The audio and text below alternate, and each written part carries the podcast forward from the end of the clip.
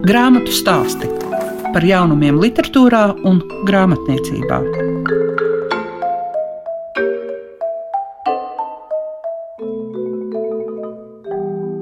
Esiet sveicināti grāmatu stāstu klausītāji. Kā parasti kopā ar jums ir Liega Piešiņa, un šīs dienas raidījumā jūs dzirdēsiet Kristīnu Ilziņu, kuru stāstīs par savu jauno stāstu krājumu Es neliecināšu pret jums, un arī dzirdēsiet par Ērika Streiča grāmatu Latviešu dēkainis Krievu armijā. Grāmatu stāsti programmā Klasika. Ja tā labi saskaita, tad uh, Kristīnai, es jau gribēju teikt, Sadalskai, Kristīnai Ilziņai tagad ir iznākusi piektā grāmata. Viņa sāka ar dzējoļu grāmatu, tad bija trīs bērnu grāmatas, un tagad mēs esam nonākuši pie stāstiem, stāstiem, kuri īstenībā vēstīja par nojausmu, par atmodas nojausmu. Cik daudz šajās grāmatās ir no tevis pašas? Šajos stāstos? nu, kaut kādas detaļas, protams, jo, piemēram, mans tēvs bija Helsinku grupā, ko es tur laikam vairākās vietās pieminu. Vai arī, piemēram, es gāju demonstrācijā pret metro. Es puča laikā pirku bērniem ēdienu. Tad, kad visi citi uztraucās, šaus vai nešaus, es skraidīju pa veikaliem un pirku bērniem ēdienu. Nu, tik daudz tādas mazas epizodes, bet, protams, visi šie stāsti un visi lielie notikumi, protams, ir īsti. Visi pieminētie notikumi ir īsti, sākot ar pieminiekļa graušanu un beidzot ar, kā jau teicu, gājienu pret metro vai gunārās tras bērēm. Tomēr katrs no šiem personāžiem ir likts kopā no daudziem dažādiem cilvēkiem un vairāk šie stāsti ir par to, kādu iespaidu šis laiks pirms atmodas un atmodas laikā atstāja uz tiem cilvēkiem, kuri vēl nebija pieauguši, kuri vēl gāja skolā, vai mācījās kādā citā iestādē, kuriem tas nebija kaut kāda iespēja laiks, kuriem tas drīzāk bija laiks, kad tas, ko viņiem bija līdz tam mācījuši vecāki vai skola un sabiedrība, pēkšņi vairs īsti nebija pareizs. Un tagad nāca kaut kāda jaunā patiesība. Dažiem tas bija jau mājās zināms un varbūt ar mātes pienu iezīsts, bet tas bija tikai dažiem. Lielākā tiesa jau vienkārši dzīvoja. Es neliecināšu pret jums tādu, tu esi iedavusi šai stāstu grāmatai nosaukumu, bet pret ko tev bija pašai svarīgi neliecināt? Es domāju, es neliecinu pret savu bērnību, pret savu jaunību. Jo, lai vai kā, tā bija mana bērnība, tā bija mana jaunība. Tā mums ļoti daudziem mums bija bērnība un jaunība, bet tai pašā laikā es to rādu diezgan realistiski. Un tad, kad teiksim, es ar Jānu Egli vai ar Dāci Rukšānu runāju par to, ka man tie stāsti ir sanākuši tādi gaiši un priecīgi, un tagad, kad iznāca grāmata, es tur uzšķīru vienu stāstu par to bruņu rupucīti, un man pēkšņi kļuva skaidrs, ka mūsdienu pusaudzis noteikti nedzīvo tādā realitātē, kādā dzīvojām mēs kā pusauģi. Un, man liekas, tieši šobrīd, kad ļoti daudzi jauni cilvēki kaut kādā mērā simpatizē kreisiem uzskatiem, ir svarīgi, lai viņi ierauga, kāda bija tā vide, kad tu dzīvo kreisi orientētā valstī, kurā it kā visiem viss ir vienlīdzīgi, un par kādu cenu tiek dabūta šī vienlīdzība. Cik tas patiesībā ir vai nav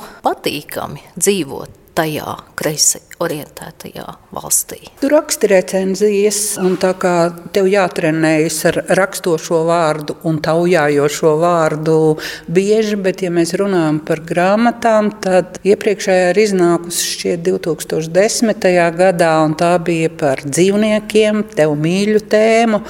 Cik apzināti, nu tā tad, cik mums iznāk 12 gados, tu rakstīji tieši par šo laiku, tas precīzāk var parādīt tavs sajūtas? Redz, ir tā. Man starp citu šo frāzi nesen atgādināja dzēniece Irēna Auziņa. Tad, kad es sāku vispār rakstīt, ļoti modē bija tāds jau pikiņu vecākās paaudzes izteiciens, ja tu vari nerakstīt, tad neraksti. Nu, nepiesārņo pasauli ar to, ko tu tur varētu sačabināt. Un es arī ļoti ilgi turējos pie šī saukļa, ja es varu nerakstīt, tad es labāk nerakstu. Jo, lai rakstītu, ir tas kaut kāds tāds iekšējais, tāds, nu, tā kā tuf, tuf, tuf, ka tev ir jāiet, ej, ej, ej un raksti, ej un raksti. Nu, nav. Nu, protams, tu vari vienmēr piespiest sevi un rakstīt katru dienu kārtīgi, un tā, un tad tev būs daudz uzrakstīta, un ļoti iespējams, ka pat ļoti labi uzrakstīta.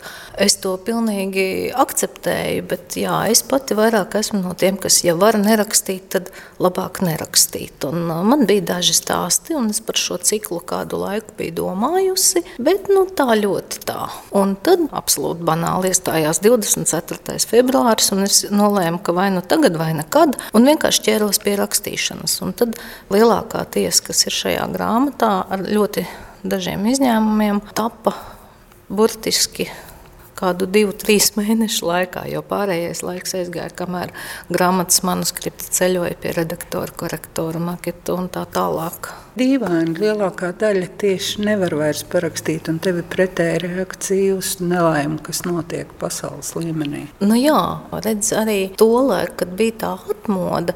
Es kaut kādā mērā tajā visā piedalījos. Nu, bija lietas, ko es darīju, teiksim, atmodas labad. Un no tā, protams, varbūt nebija nekādas īpašas jēgas vai ļoti lielas nozīmes, bet es katrā ziņā ne tikai ar sirdi, bet arī tīri fiziski piedalījos šajos procesos. Varbūt nevienmēr īsti izprotot, kas tur notiek vai kāpēc es to daru, bet katrā ziņā mani bērnībā diezgan ilgu laiku pieskatīja manas mātes vecmāmiņa mani un brāļus. Un viņa, kā jau var noprast, bija dzimusi vēl cāra laikos, kā viņa sacīja.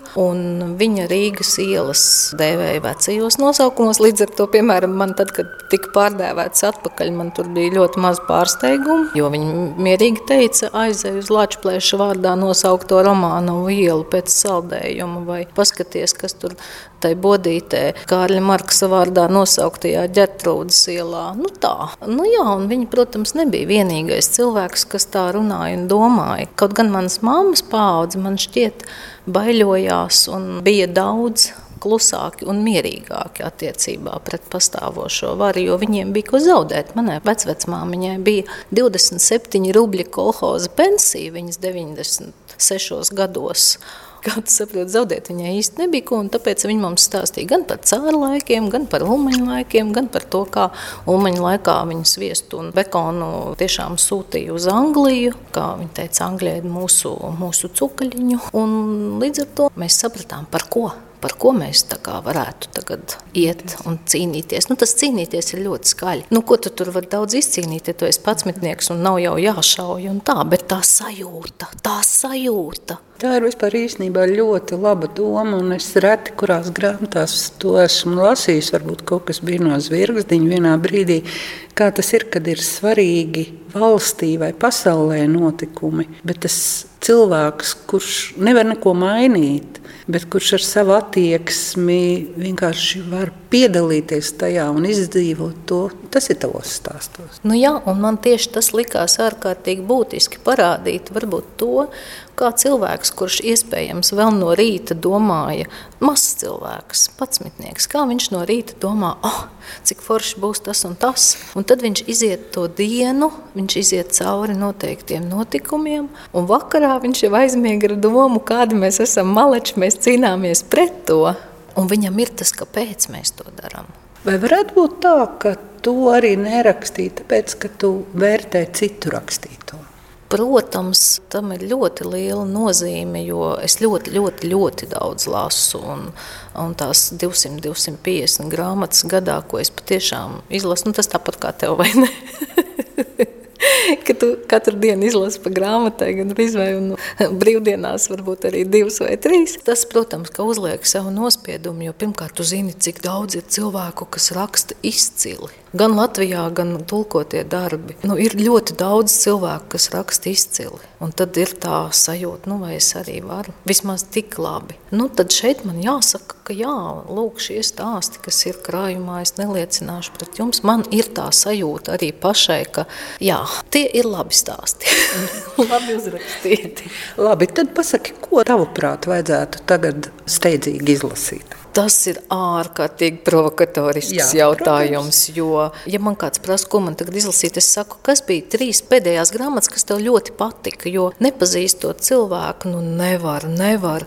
Nu, ko jūs gribat darīt ar to grāmatu? Vai jūs gribat atpūsties, vai jūs gribat uzlādēties, vai jūs gribat. Nu, tur ir tik daudz, un arī izvēle tagad ir tik plaša. Ja nav lasīts, noteikti vajag ar no Junzes, es nemiršu nekad. Man ārkārtīgi patika no jaunajām grāmatām romāns par Veidenbaumu, un kas nav maznozīmīgi mūsdienās. Tai grāmatai ir tikai kādas nieka 200 lapus, un tā stāsta par to brīnišķīgo dzinieku, par kuru mēs visi esam dzirdējuši. Man liekas, ka Veidenbaums un Čaks tie ir divi tādi latviešu dzinieki, kurus zina nu, gandrīz ik viens latviečs naktas vidū pamodina, nosauc divus dziniekus, un viņš ir Čakas un Veidenbaumu. Dienā, kad mēs runājam, ir Čaka dzimšanas Jā. diena. Jā. Grāmatai ir saudabīgs noformējums. Tur ir diezgan daudz tekstiņu, kuru vajag palielināmo stiklu, lai paņemtu un izlasītu, ka tas ir no tā paša stāsta, vai ne? Tur ir ārkārtīgi skaists, manuprāt, divu mākslinieku kopdarbs, jo vāciņu taisīja mākslinieca Natālija Kugajevska, bet visu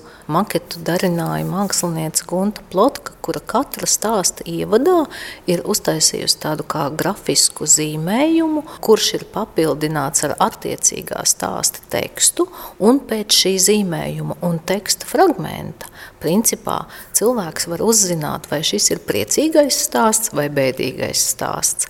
Tas ir viens, un otrs, man liekas, ka arī tas, ka vispār ir šī spēle, ka tas vēl dod tādu papildus vērtību šai grāmatai, tā ziņā, ka tur var arī cilvēks pats tā pamēģināt, vai viņš uztver to, ka šis ir priecīgs vai bēdīgs, kā tas ir, vai viņa un mākslinieces domas šajā jautājumā sakrīt.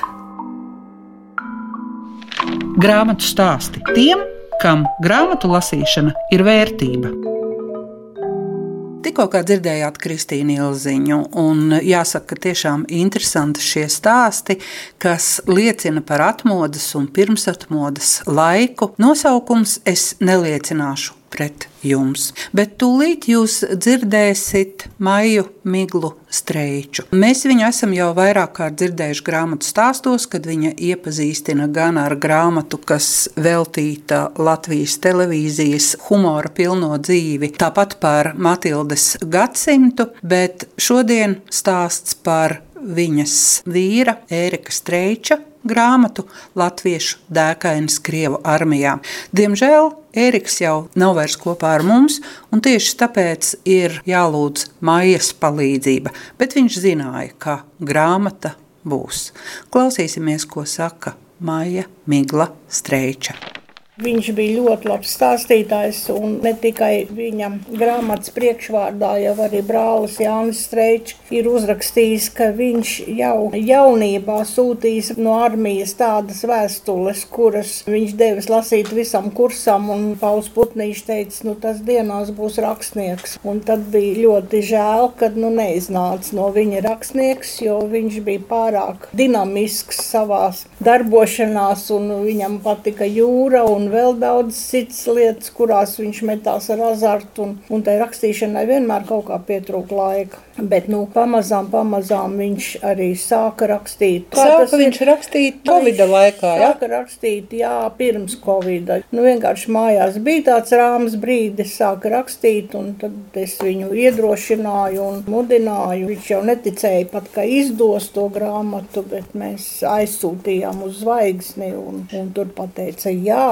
ņemam. Bet Maija nebija tā, ka tu biji rakstījusi Matildas gadsimtu, pēc tam tev tas veiksmīgi bija arī nākamajā grāmatā par televīziju, un ka tas arī bija kā tāds mudinājums, ka nebūdams īsts rakstnieks, tu vari aprakstīt sevi tā, ka tas ir interesanti citiem. Jā, es domāju, tas bija zināmā mērā stimuls, jo jūtot, ka es rakstu un man izdodas, atklāt sakot, mans vīrs bija daudz talantīgāks stāstnieks par mani, un viņš saprata, ka nu, viņš var mēģināt. Sāka par Krievu armiju. Mēs varam iedomāties, ka vienā ķēngaraga divi stabu dzīvoklītī tagad diviem ir jāraksta grāmatas. Jums bija divi datori, katrs savā istabā. Kā tas tīri tehniski bija? Nu jā, nu sākumā es biju ievilkusies mazajā istabiņā ar savu datoru un rakstīju. Bija pirmā, pa vidu mums bija lielāka istaba, un tad pēkšņi Eriks izdomāja, ka viņš stūrītī aiz leduskapja sēdēs, un tur viņam omulīgi būs stūrīts, un tur būs dators, un tur izmeta visādi šķīvļus ārā, viņam bija tur plaukti un, un dators, un nedrīkstēja virtūs galdu nekad nokravāt ne ar ko, un jā, un tad viņam tur bija omulīgais stūrīts, kur viņš rakstīja, un tad kādreiz mēs rakstam, rakstam, viens raksta, otrs raksta, un tad man zvana telefons, un viņš zvana un saka, paklausies. Kā tev liekas, varbūt iesim panorāmu skatīties? Un tad mēs abi satikāmies vidus istabā. Kā jūs viens otram atskaitījāties par padarīto darbu? Ja es to tā varu teikt, būtībā ir tā, ka jūs lasījāt viens otram priekšā un tad uh, kritizējāt vai teicāt tikai labus vārdus, kā tas ir, jo ja ir divi vienas nodarbes pārstāvi vienā istabā, tad Tur jau arī vēl tādai diplomātijai jābūt. Nē, nu, es rakstīju zibatmiņā, ja es rakstīju flešā, un tad es viņam iedevu kad man bija kaut kas uzrakstīts, es iedevu, lai vienkārši izlasu, pārlasu, un kā viņam patīk. Arī viņš tāpat. Izlasīja, un vienīgā lieta, ko es viņam teicu, zini, tu neliec komatus, rakstot neliec komatus, jo tos komatus ņemt ārā un pārlikt uz citu vietu ir grūtāk nekā grūtāk. tad, ja nav. Ja? Jā, ja nav, es tev salikšu viņus tos komatus, jo viņš nebija tiešām literāts, viņš nekad nebija to mācījies, nu, bet nu, tā valoda jau bija brīnišķīga un, un vienkārši nu, komati tas jau tāds nieks ir, tas jau korektūras darbs. Viņa grāmata saucās Latviešu dēkainas Krievu armijā. Vien brīdi es domāju, nu jā, par armiju, nu jā, tagad, kad Krievi Ukrainā. Nu, bet tieši labi kaut kā sanāk, jo jau Ērika grāmatā, kur viņš apraksta, kā viņš tika iesaukts armijā, kā tai armijā tas viss notiek, un viņš to aprakstīja ar tādu humoru, jau tur bija tas krievu armijas tas debilisms, ja tā var teikt, un idiotisms, kas tur valdīja. Un es domāju, ka šobrīd tas nav absolūti nemaz labāks nekas. Tas ir nežēlīgāk un sliktāk nekā tāda. Tev tas, ka tu esi tik daudzus gadus bijusi panorāmas žurnāliste, kurai uzdevums ir sižeta garumu veidot līdz trīs minūtēm, un ja ne, tad asti nocērt Tagad Matildas gadsimts, kas ir gan apjomīgs. Kā tu sevī to saliki kopā? Ja tu uzskati, ka tās, teiksim, tieši no šiem mazajiem sižetiņiem arī veidojās visa lielā grāmata. Nu, man šķiet, ka, jā, Matildas gadsimta, ja mēs tā paskatāmies, tad tie ir tādi mazi, nu, tie tomēr ir stāstiņi par to, par to, par to un tā, un, un ir jāizjūt, ka nevar izplūst tādā garumā, un, nu, jā, tā televīzija man ir iedavusi to, kad ir vienā brīdī jāpasaka sev stop, un nevar tā kā kaut kādu putru vārot tur garu, garu, garu plaši, bet pasaki stop, un atkal turpina ar citu tēmu. Kaut gan tās tēmas jau viss ir vienojošas un viss jau ir tas gadsimts. Vai Ēriks kādreiz ir rakstījis dzējoļus? Nekad. Un viņam ļoti nepatika, ja kādās jubilejās vai kaut kur kāds nāca un skaitīja pantiņus. Ak, vai man dieniņ, to viņš tad griez zobus un teica, ak, kungs, ak, kungs, pantiņus skait. Izņemot Ziemassvētkos pieglīts, jā, tur jā, tur jā, tur varēja, jā. Es tev šo jautājumu uzdevu tāpēc, ka tu jau gan esi sākus ar dzējošanu. Jā, es sāku ar dzējošanu. Gandrīz jau, bet tie bija padomu laiku un gandrīz jau izdevu to krājumu un un bija atzīts par labu. Un, kriti... un par labu atzina Mirta Čempe. Čempe tos pirmsākumus, bet Kravalis visu to sakārtoto manuskriptu atzina par labu, bet, kā teikt, izdevniecība, nu, mazliet piestrādāt, piestrādāt. Nu, ko tu piestrādās, ja es sāku strādāt televīzijā un, zināt, nu, tas darbs ir tāds, kā tu no rīta deviņos izvēlies no mājas tā apmēram pēc 12 stundām vai 10 stundām ievelies mājā un, un nav tev spēka vairs neko citu rakstīt. Nu, un tā tie gadi pagāja, un tā arī es apstājos. Saki, kas tev šajā ērika grāmatā bija tāds, ko tu par viņu nezināji? Nē, man nebija nekas tāds nebija. Tāpēc, ka mēs daudz runājām, un viņš daudz ko stāstīja. Es vienkārši apbrīnoju viņu to stilu. Kā man kolēģis Volmārs teica, viņš saka, tur ir kaut kas no Šveika, no krietnā karēvi Šveika un Marģera Zariņa.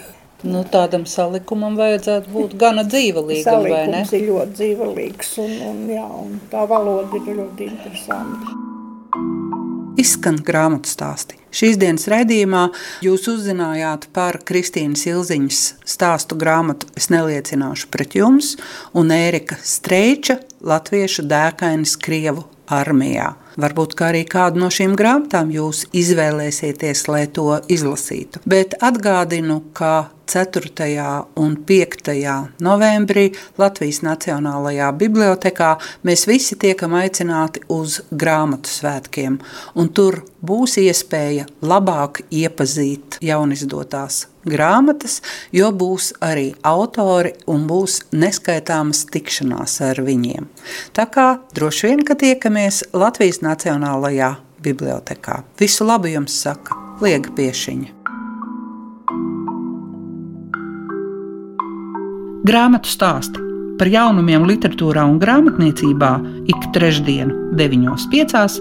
ar atkārtojumu Svētdien, 18.15.